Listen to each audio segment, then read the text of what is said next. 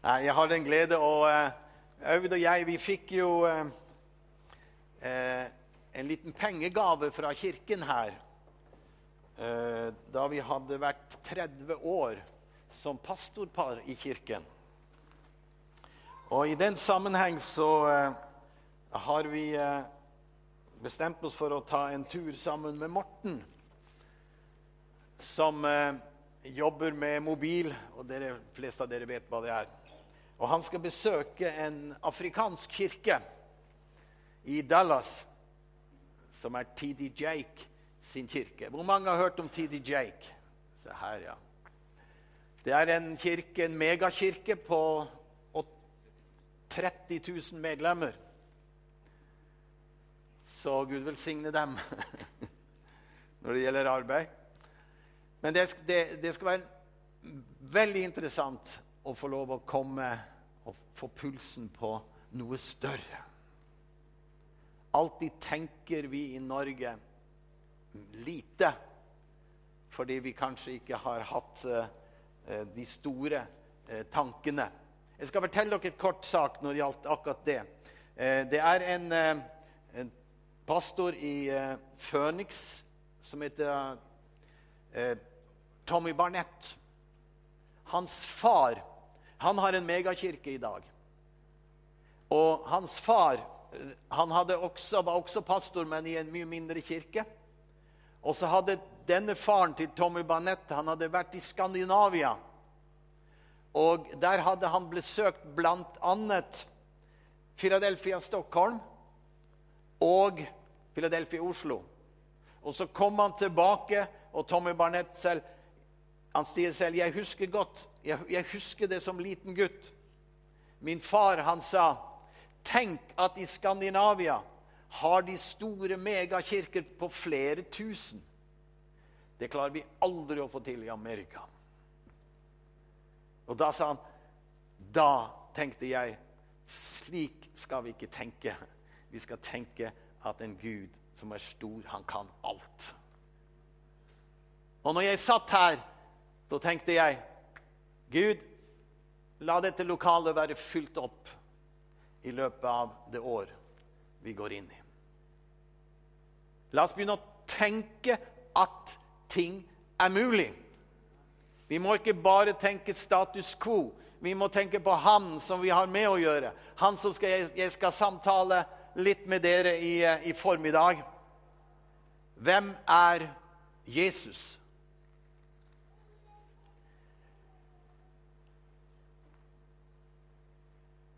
Denne Jesus Veldig mange i vår kirke har lært ham å kjenne. Men samtidig, opp mot den tanken at vi har lært ham å kjenne, så må du tenke hvor mye har du lært ham å kjenne? Du skjønner at Jesus er ganske stor. Og jeg skal eh, tale Det er ingen tilfeldig mann. Han var med og skapte historie i denne verden. Han var ikke bare med og skapte historien i verden. Han er den som skapte verden. Jeg var byggmester hos min far. Et møte med denne Jesus, hans ord, bringer deg i en situasjon som vil ha betydning for din framtid og vil ha en betydning for din evighet. Jesus kan ikke raderes ut av ditt liv, uansett hvor mye du ville prøve det. En dag vil du møte ham, enten som din dommer eller som din frelser. Og det er du som bestemmer det.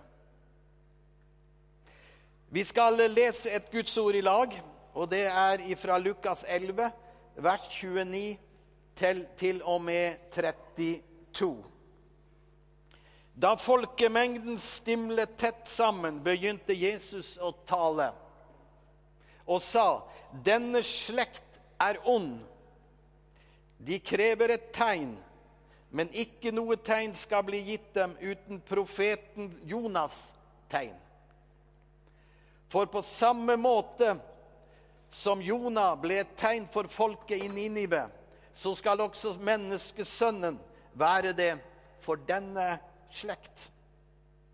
Dronningen fra Syden skal stå opp i dommen sammen med menneskene fra denne slekten og fordømme dem, for hun kom fra jordens ende for å høre Salomos visdom. Og se, her er en som er større enn Salomo. Ninive skal stå opp i dommen sammen med sin slekt og fordømme den, for de omvendte seg ikke ved Jonas' forkynnelse. Men se, her er en som er større enn Jonah. Dette er Jesus som taler til sin samtid. Dette er Jesus som henviser til hvordan, eh, hvordan dronningen fra Syden kom langt, langt av sted for å høre om Salomos visdom. Og Salomo han var kjent, viden kjent for sin visdom. Og da står det om at, eh, at eh, Jesus han sier Salomo var en stor mann. Men som han sier her Se, her er en, altså jeg, Jesus, som er større. Poenget til Jesus her, det er at Jesus sier dere, denne slekt krever tegn. Og så sier de skal ikke få noe annet tegn enn Jonas' tegn. Hva var Jonas' tegn? Jo, det var en liten historie på Jonas. Det var at han fikk forespørsel av Gud for å gå til Ninive. For Gud sa til i Ninive er det synd. I Ninive er, koker det over av råttenskap. Gå og fortell folket at de må kle seg i sekk og aske. Et begrep. Jonas, han ville ikke. Og han dro av sted. Han rømte og forliste og havnet i hvalens buk, som dere har hørt om. Og der var han i tre dager og tre netter. Det samme som står om Jesus når han ble lagt i graven. Så var han der i tre dager og tre netter. Og når han sto opp igjen Altså når Jonah Det står at fisken spyttet han ut. Og når Jonah da ser hva som skjedde med han og opplever ved han, så sier han til Gud, 'Gud, jeg vil gå til Ninive.' Og han gikk til Ninive i kraft av hvem den han var hva han hadde opplevd, hva han hadde gjennomgått, så gikk han til Ninive. Og så sa han, 'Omvend dere'. Han ga ikke noe tegn. Han sa, 'Gud har bare sagt at dere skal omvende dere'. På samme måte er det med Jesus. 'Jeg er større enn Jonah', sier han. 'Jeg har også vært tre dager og tre netter i mørket. I dødens favnetak, i dødens uh, grep. Og jeg sto også opp, og jeg gikk til denne slekt.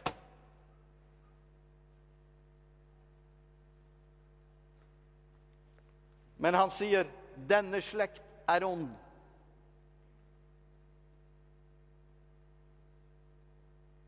Og da blir jo mitt spørsmål overfor den slekt som er i dag.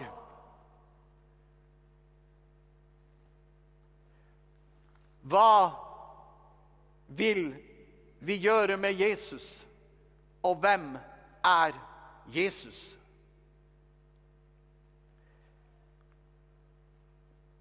Vår reaksjon Og vi som er her som kristne, vi har nok et positivt forhold til Jesus. Men jeg tror at vi må også strekke oss litt mer. Vi må tørre å komme ut av vår lille boble og gå til den verden som trenger en Jonah, som trenger en Jesus, som trenger deg, som trenger meg. Folket der ute, de kjenner ham ikke, for det er ingen som forteller, ham det, forteller dem det. Media de snur og vrir på alle ting, og helst det negative. Jeg skal komme tilbake til det. Men hør Jesus sier fariseerne de møter meg med stolthet. Så han snakket til fariseerne. Dere møter meg med stolthet og arroganse. Dere vil ikke høre meg. Men Ninives folk skal stå opp på dommens dag fordi de omvendte seg. Og så skal de anklage denne slekt, sier Jesus. Og spørsmålet blir jo hvordan formidler du og jeg denne Jesus? Jesus har vært han er, som jeg nevnte innledningsvis, en fantastisk historisk mann. Han har vært brukt i alle sammenhenger eh, på, på, film, eh, som, eh, eh med maling, med, med ark og, og kunst, på, på, alle måter. I 1971 var det noen som har laget en stor musical som heter 'Jesus Christ Superstar'. Har dere hørt om den? Det er noen her, ja. En, den gikk over hele verden. Og kan dere den melodien? Jesus Christ, superstar. Hvem er den beste vi har i dag? Det var begynnelsen. Eh, jeg husker en på jobben. Jeg jobbet da som rørlegger. Og så husker jeg at en av gutta våre han gikk og sang på 'Jesus Christ Superstar'. Jeg tenkte, kjære Gud, håper jeg å si. Hvordan kan du synge om Jesus? Men han sang om noe som var ved siden av. Han sang ikke om den virkelige Jesus. Denne Jesus Christ Superstar den gikk over, som sagt, over hele verden. Og eh, eh, i musicalen så står Judas opp fra de døde. Og så, i sangen, så går han bort til Jesus, og så spør han Jesus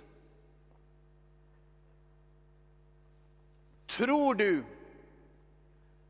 at folket vet hvem du er?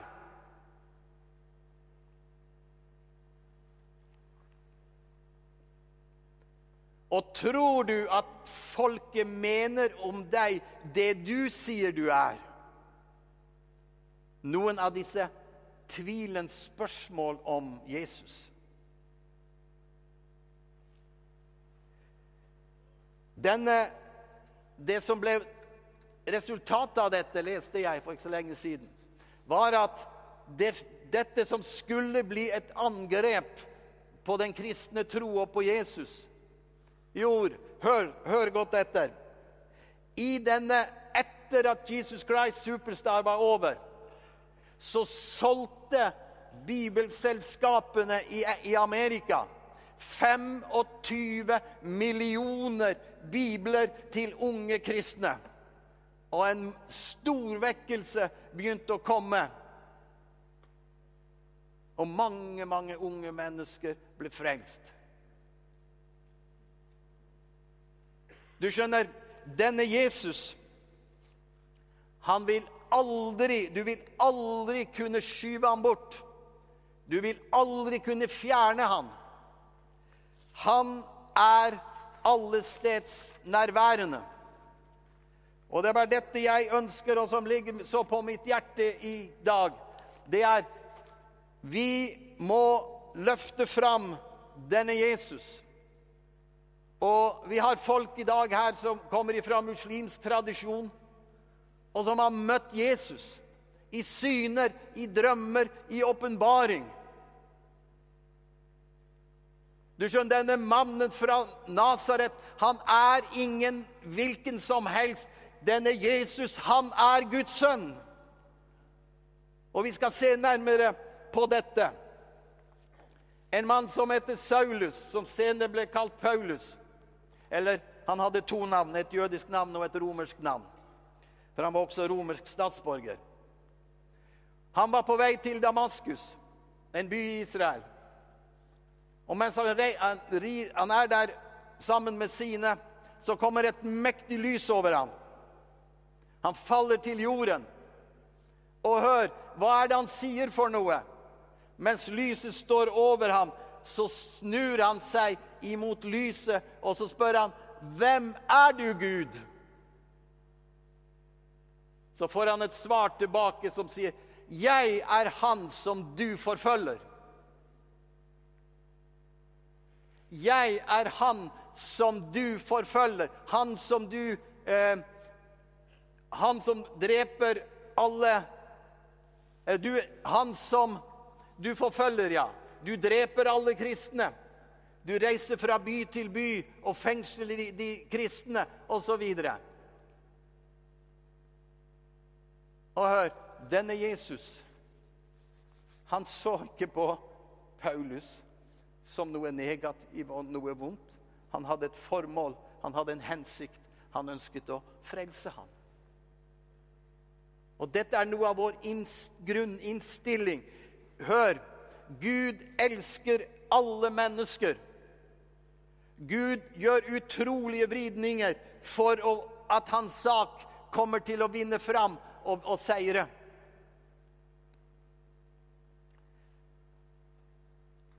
Jeg vil fortelle dere en kort historie. Jeg kunne ha vist en, en video til dere, men jeg føler jeg har ikke tid.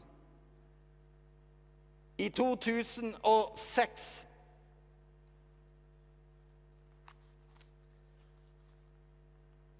så er det en rabbiner, den øverste rabbiner i Kabala-sekten, eh, eller slekten, eller hva jeg skal kalle den for, innenfor jødedommen. Han var den største av alle rabbiner. Han var den mest høyst akta rabbiner i, i, Israel og i den jødiske eh, tradisjonen. Når han døde, så var Jerusalem fylt av 250 000 mennesker som fulgte han til graven. Han var aktet, han var lærd, han hadde den største utdannelse innenfor Tora og innenfor alle de jødiske skrifter. Han var en mann som hadde coaching. Han var en mann som kom, og de, han ba for syke like til. Og hør En dag, ett år, ca. et år før han dør, så kommer det en mann og åpenbarer seg for ham. Dette har stått i alle aviser i Israel. Dette har skapt stor debatt blant de religiøse. Og denne mannen som kommer til han, får det samme spørsmålet av han som han fikk av Paulus. Hvem er du? Og da sier denne mannen, som dere sikkert forstår Da sier denne mannen 'Jeg er Jesus. Jeg er Jeshua'.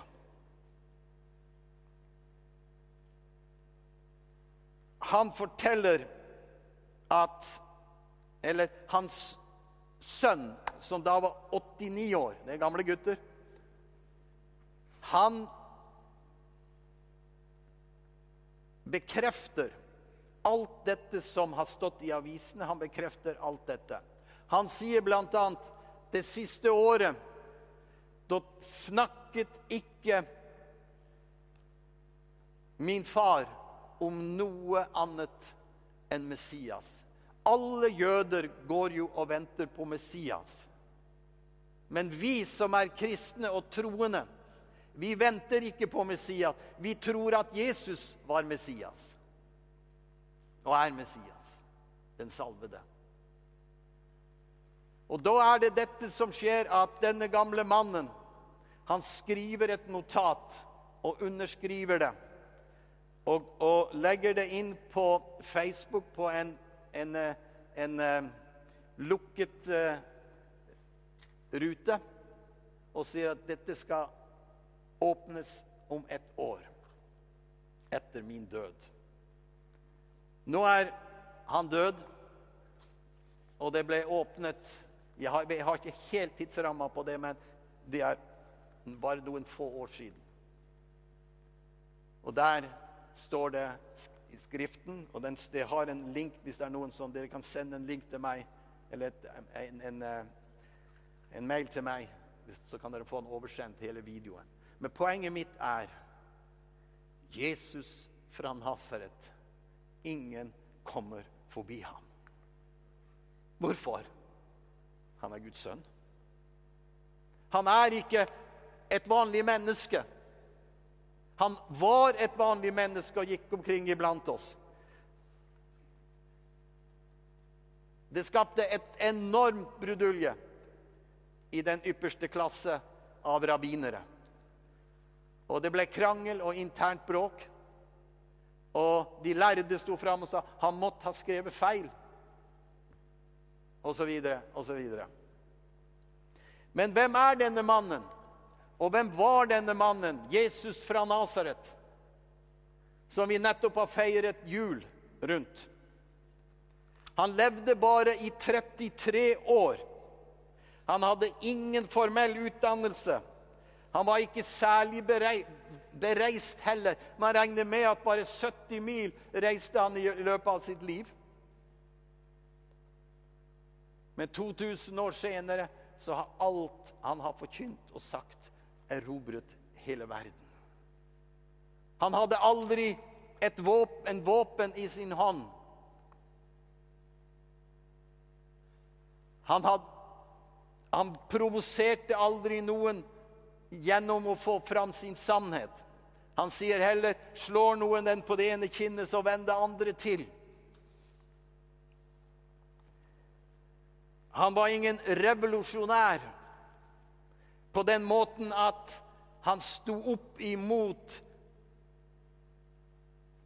Ta eksempelet romerne som hadde invadert Israel. Du hører ingen steder at han sier vi må samle tropper nå, så må vi få ut disse okkupantene. Han får en mynt i handa en gang.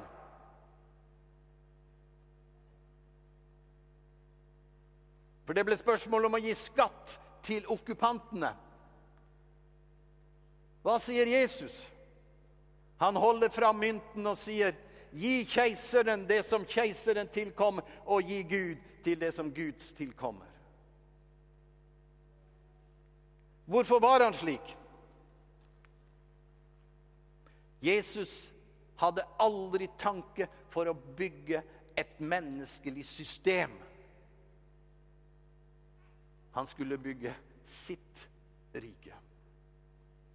Et rike som går inn i alt, som like til går inn hos okkupantene. Kornelius var en, en romersk offiser. En dag fikk han besøk av en engel. Ja, man Kan Gud besøke engler som okkuperer Israel? Eller kan Gud besøke noen, kan engler besøke noen som okkuperer Israel? Det kom en engel til ham og sa det fins en mann som heter Peter. Han skal komme til deg, og så skal hele ditt hus bli frelst. Hans Jesus går utenom alle systemer. Jesus var ingen hvit mann. Jesus har ikke lagt etter seg en hvit religion.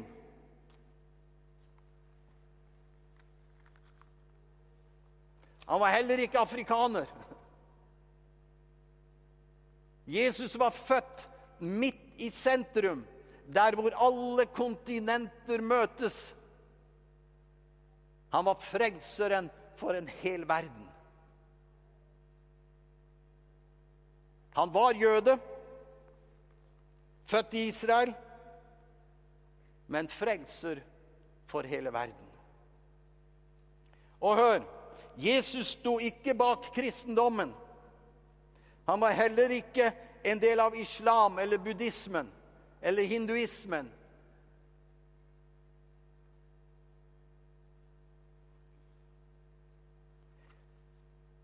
Når shia-muslimer kriger med hinduer Nei, med, med, med shia- og, og sunnimuslimer Når de dreper hverandre Da er ikke Gud der. Det er den onde som er der. Når katolikker og protestanter i Irland nå tenner på biler kaster stein, kaster molotov-cocktail osv. Er det kristen, er det den Jesus som, som står bak Er det Jesus som står bak det? Nei, han er ikke der. Det er den onde som holder på. Religion er menneskeskapte ting, men Jesus han har skapt et helt annet rike. Jesus er ikke religionens fyrste, men Jesus er livets fyrste. Han er større enn alt. Han er selve livet. I alt du ser, i det skapte, over hele verden. Se naturen, se skjønnheten, se den luft du ånder inn. Han er i alt dette fordi han er livet. Han er selv livet. Han er ikke bare livets opphav, men han er livet. Bibelen sier dro Gud sin ånd bort fra jorden, så var alt liv dødt. For han er livets opphavsmann. Bibelen sier alt er blitt til ved ham og uten ham er ikke noe blitt til av alt som er blitt til. Står det. Johannes 1, 3. Alt er blitt til ved ham, og uten ham er ikke noe blitt til av alt som er blitt til. Det var han som ga kunsten. Se hvordan han har beautifullt han har skapt alt sammen. Se hvor vakkert det er. Se hvor harmonisk det er. Se hvor skjønt det er. Hvem står bak? Jo, det er det ypperste av alle kunstnere Jesus. Ingen kan skape så mye som han, og så vakkert. Og når du får del i hans natur, så skjer det noe. Jeg tror du tar ut bare en liten del av det potensialet som fins i Kristus i deg.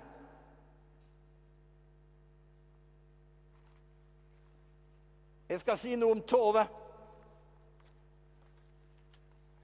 Tove har fått en dyktig kunstnerisk gave til å se helhet og skjønnhet.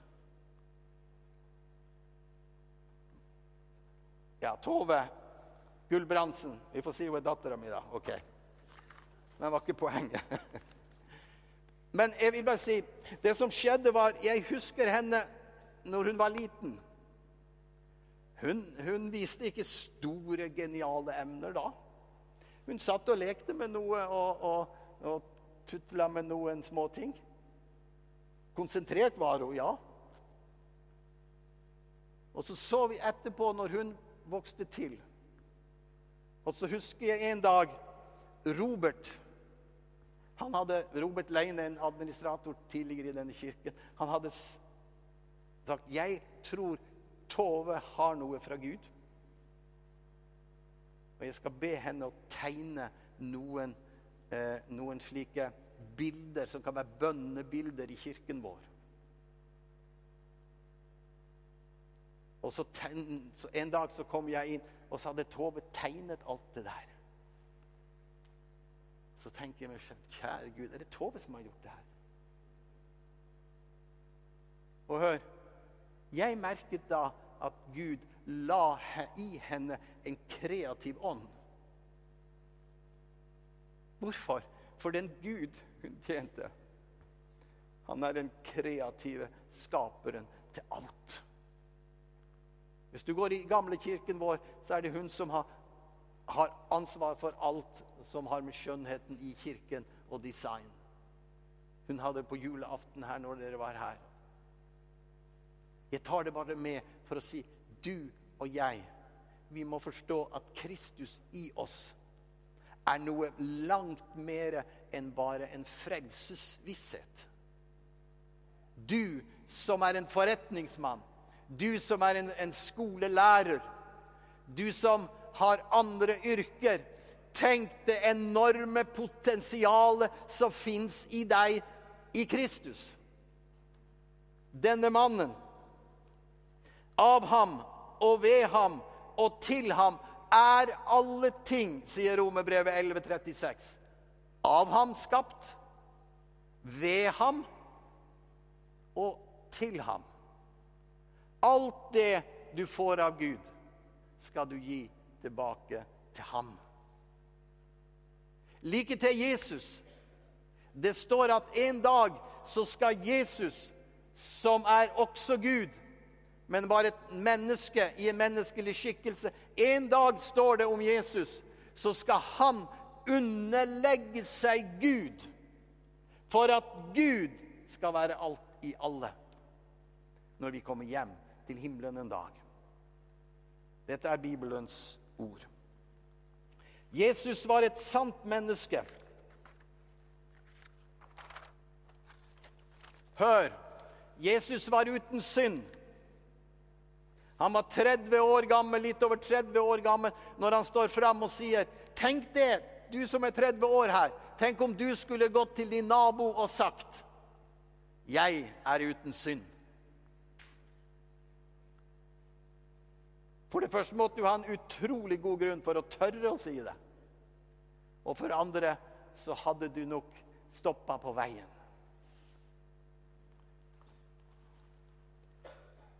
Han var frimodig. Det står at Jesus var prøvet i alt. Hva står videre? Men uten synd. Du skjønner, Her er vi ved kjernen i evangeliet. Han var prøvet i alt. Og, og dette Hadde Aud vært her og Aud sto over i dag Sto over, ja. Hvis du spør Aud, så kan du spørre om er Tom uten synd. Da gjør hun bare sånn. På ingen måte, vil hun si. Hvis du spør din ektefelle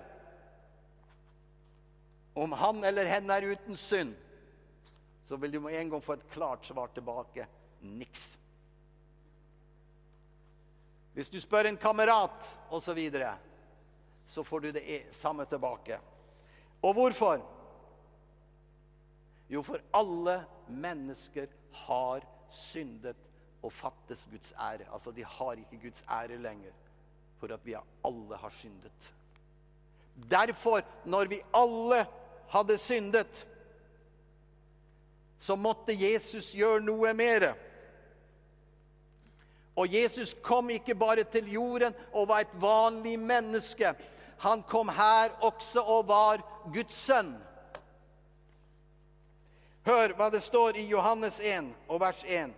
I begynnelsen var Ordet. Ordet er et, er et bilde på Jesus. I begynnelsen var Jesus, og Jesus var Gud. Jesus ble kjød, eller ble menneske, og tok bolig iblant oss.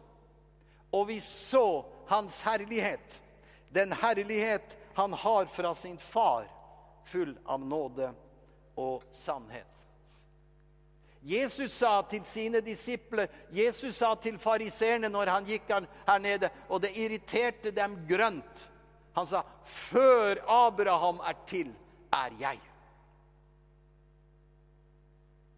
Og nå snakker vi om den guddommelige siden av Jesus. En dag så spør Jesus disiplene sine hvem sier folk at jeg er? Så sier noen sier du er Elisha, noen sier at du er Jeremia, og noen sier du er døperen Johannes. Men hvem sier dere at jeg er? sa Jesus. Og da er det at Jesus, at Peter sier disse fantastiske ord. Du er Messias, den levende Guds sønn. Du er Messias, den levende Guds sønn. Og da snur Jesus seg til Peter og sier, 'Peter, dette har du ikke tatt fra deg selv. Det har din, min himmelske Far vist deg.' Hva skjer? Gud hadde begynt å skape åpenbaring i disiplene som han hadde vært sammen med.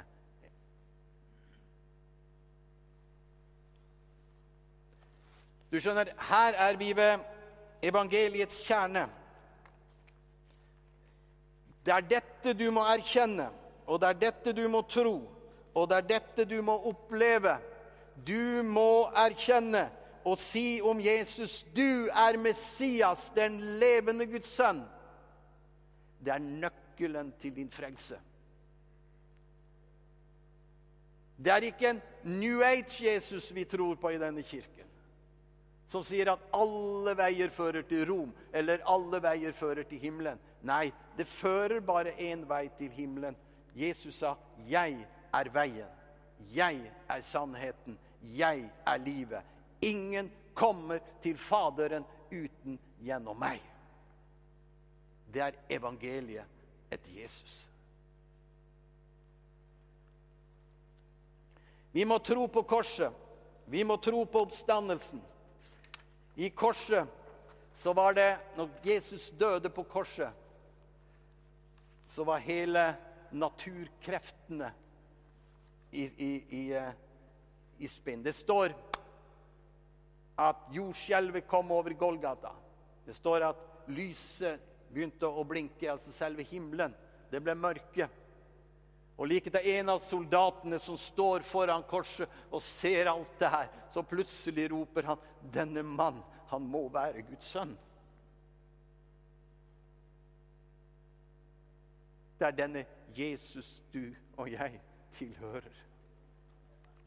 Jeg ble så minnet om å fortelle om Jesus. Jeg ble så minnet om å spørre dere hvem er Jesus? Det nye livet i deg er en fødsel. Jesus sier uten at noen blir født på ny, så kan han ikke se Guds rike. Med andre ord, å bli en kristen er ikke bare å melde seg inn i en kirke eller på en eller annen måte eh, ta en beslutning om at jeg skal bli en kristen. Det er en ny fødsel som skjer inne. Og jo mer din lengsel er etter Jesus, jo mer opplever du at denne fødselen kommer, og plutselig så bare vet du at du vet at du vet at du er Guds barn. Amen. Hør. Jesus sa, 'Den kraft som reiste Jesus opp fra de døde, han bor i dere.' Altså den kraft som reiste Jesus fra de døde, den bor i oss. Den enorme kraften som kom ned i Jesu grav og for, forvandlet, forvandlet hans legeme og reiste det opp i et nytt legeme, i en ny identitet, som en oppstanden Jesus. Den kraften, sier Paulus, bor i hver enkelt av dere som en troende enorme muligheter i Kristus. Hør! Jeg skal begynne å avslutte nå. Satan raser i vår tid over hele verden. Og hør De kristne, altså Guds folk, har en enorm fremgang over verden. Det vet vi. Det skjer i alle land at, at uh, kristne At mennesker tar imot Jesus. Men hør det er også Kristendommen er også det mest forfulgte Den mest forfulgte religionen i verden i dag. Du hører stadig rapporter.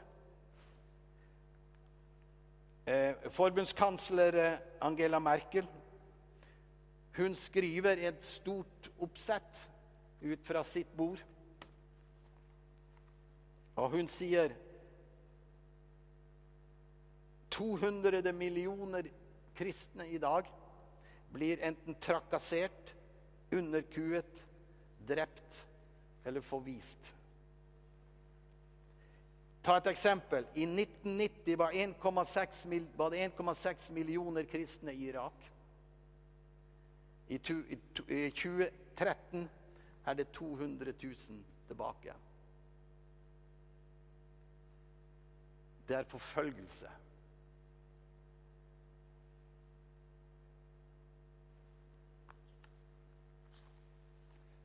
Og hun sier vi må også kunne reise oss opp og støtte de kristne når de blir forfulgt. Men Jesus har forutsagt det til oss. Han, har, han sier ved flere anledninger under sine taler han sier, dere skal bli forfulgt for mitt navns skyld.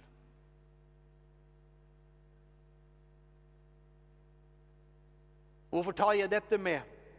Jo, fordi jeg ønsker at du og jeg vi skal være mye mer frimodige i et land som Norge, som Gud har gitt oss frimodighet, nei, som Gud har gitt oss muligheter, slik at vi kan være frimodige. At vi blir for stillesittende. Vi blir for lite aktive til å tørre å dele.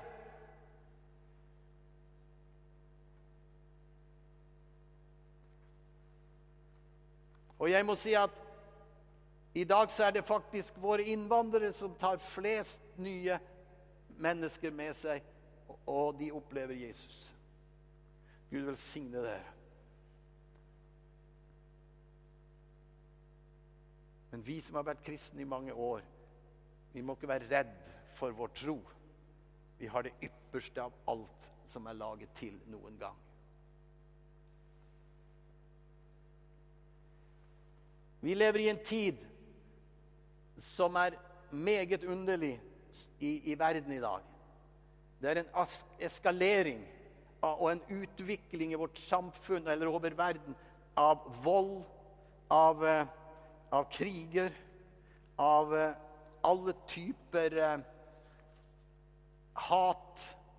Og det går mellom nasjonene og, og, og, og enkeltindivider. Man har alle typer drap som foregår. Og jeg syns jeg ser konturene av det som Bibelen taler om, at endetiden er på gang. Det står i min bibel Satan har faret ned til jorden, for han vet han har en kort tid igjen. Og la oss, du og jeg, la oss være rede og ikke bare rede, men at vi er blitt tøffe kristne. Tørre å stå oppreist. Og når jeg ser noen av debattene på, på TV og, og, ser våre uh, Unnskyld uh, våre kristne venner, både i kirken Hvorfor tør de ikke å stå opp og si sannheten? Denne nasjonen trenger Jesus og ingenting annet. Må Gud velsigne dere.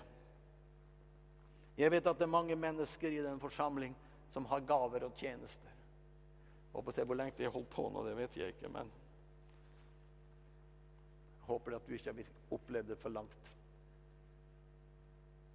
Jeg føler at Gud har lagt dette budskapet på meg. Denne Jesus vi tror på, har all makt i himmelen og på jord. Jeg hadde lyst til at lovsangene kommer fram her. Jeg nevnte sist at eh, jeg ønsket å be for mennesker. For jeg tror at det potensialet i deg og meg som Gud har lagt der, trenger en salvelse. Og jeg har talt sist, når vi talte på første søndagen i eh, januar borte i gamle kirken så nevnte jeg så vidt dette at Jesus sier 'Herrens ånd er over meg' fordi han har salvet meg. Og Salme 23 sier han 'salver mitt hode med olje, mitt beger flyter over'. Den tiden jeg har vært i faste nå, så har jeg liksom fått å kjenne denne, denne her, hva skal jeg kalle den for, en sånn åndelig kretsløp. Han salver mitt hode med olje. Mitt beger, mitt hjerte, strømmer over. Jeg har alltid merket gjennom alle år når jeg har fastet, at Guds salvelse blir så mye sterkere. Så sier du er det mennesker, er det ikke bare muslimene som faster? Jeg, jeg hadde et barnebarn hjemme hos meg. Så kom hun med en så fin kake som hun hadde laget. og så, eh, Daffa. De kaller meg for Daffa. Jeg tror ikke det er fordi jeg er daffer, men eh, Så sier Kan ikke du spise den? Så sier jeg Nei, nå skal jeg fortelle deg en ting. Daffa, han faster. Faster? sier Er det ikke bare muslimene som faster? Så måtte jeg fortelle henne hva faste var for noe. Faste her finner du helt tilbake i den jødiske tradisjonen. Jesus brukte faste. Så har den muslimske tradisjonen tatt det med seg. De faster på en litt annen måte enn vi. Vi faster natt og dag når vi faster. Jeg drikker bare vann. Og spiser ikke da på flere dager. Slik som Bibelen lærer fasten. Så kan det noe som heter begrenset fase, faste. Men jeg ønsker bare å ta dette med. Dette er sannheter som tilhører Guds folk, og som kan gi enorm effekt i vår tro på Jesus Kristus. Vår mage er kanskje en av våre største guder i vår tid.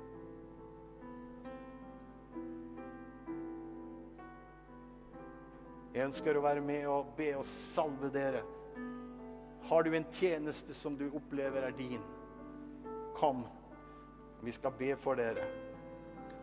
Jeg har spurt Morten om han kunne være med, og noen fra lederteamet vårt osv. Håper at dere har tid. Klokken er kvart på ett. Jeg er klar over det. Men du får gå, du som føler du må gå. Og så ønsker vi å være med og salve for dere som er litt fremmed for dette, så salve Vi har en salveolje i en flaske som jeg bruker. Og dette står om i Bibelen. Det står om disiplene. De salvet de syke. Paulus sier at du skal, hvis du er syk, så skal du få noen av lederne fra en kirke å komme til deg, og han skal salve deg med olje. Og, skal, og det er ikke noe magikk i denne. Det er bare et trosmiddel. Eh, det er tros. Det er samme som at Paulus Det står at de tok klærne av Paulus og la over noen, og de ble friske. Det var ikke klærne som helbredet, men det var den tro som ble skapt i dette mennesket gjennom at klærne tilhørte Paulus. Men det var Jesus som helbredet. Hør, det er alltid Jesus som gjør alt. En gang til. Det er alltid Jesus som gjør alt. Mennesker kan ikke gjøre noe, uansett hvem du er. Jesus er frelseren. Jesus er helbrederen. Jesus er uh, han som skal komme igjen. Han står for alle ting. Vi reiser oss alle sammen.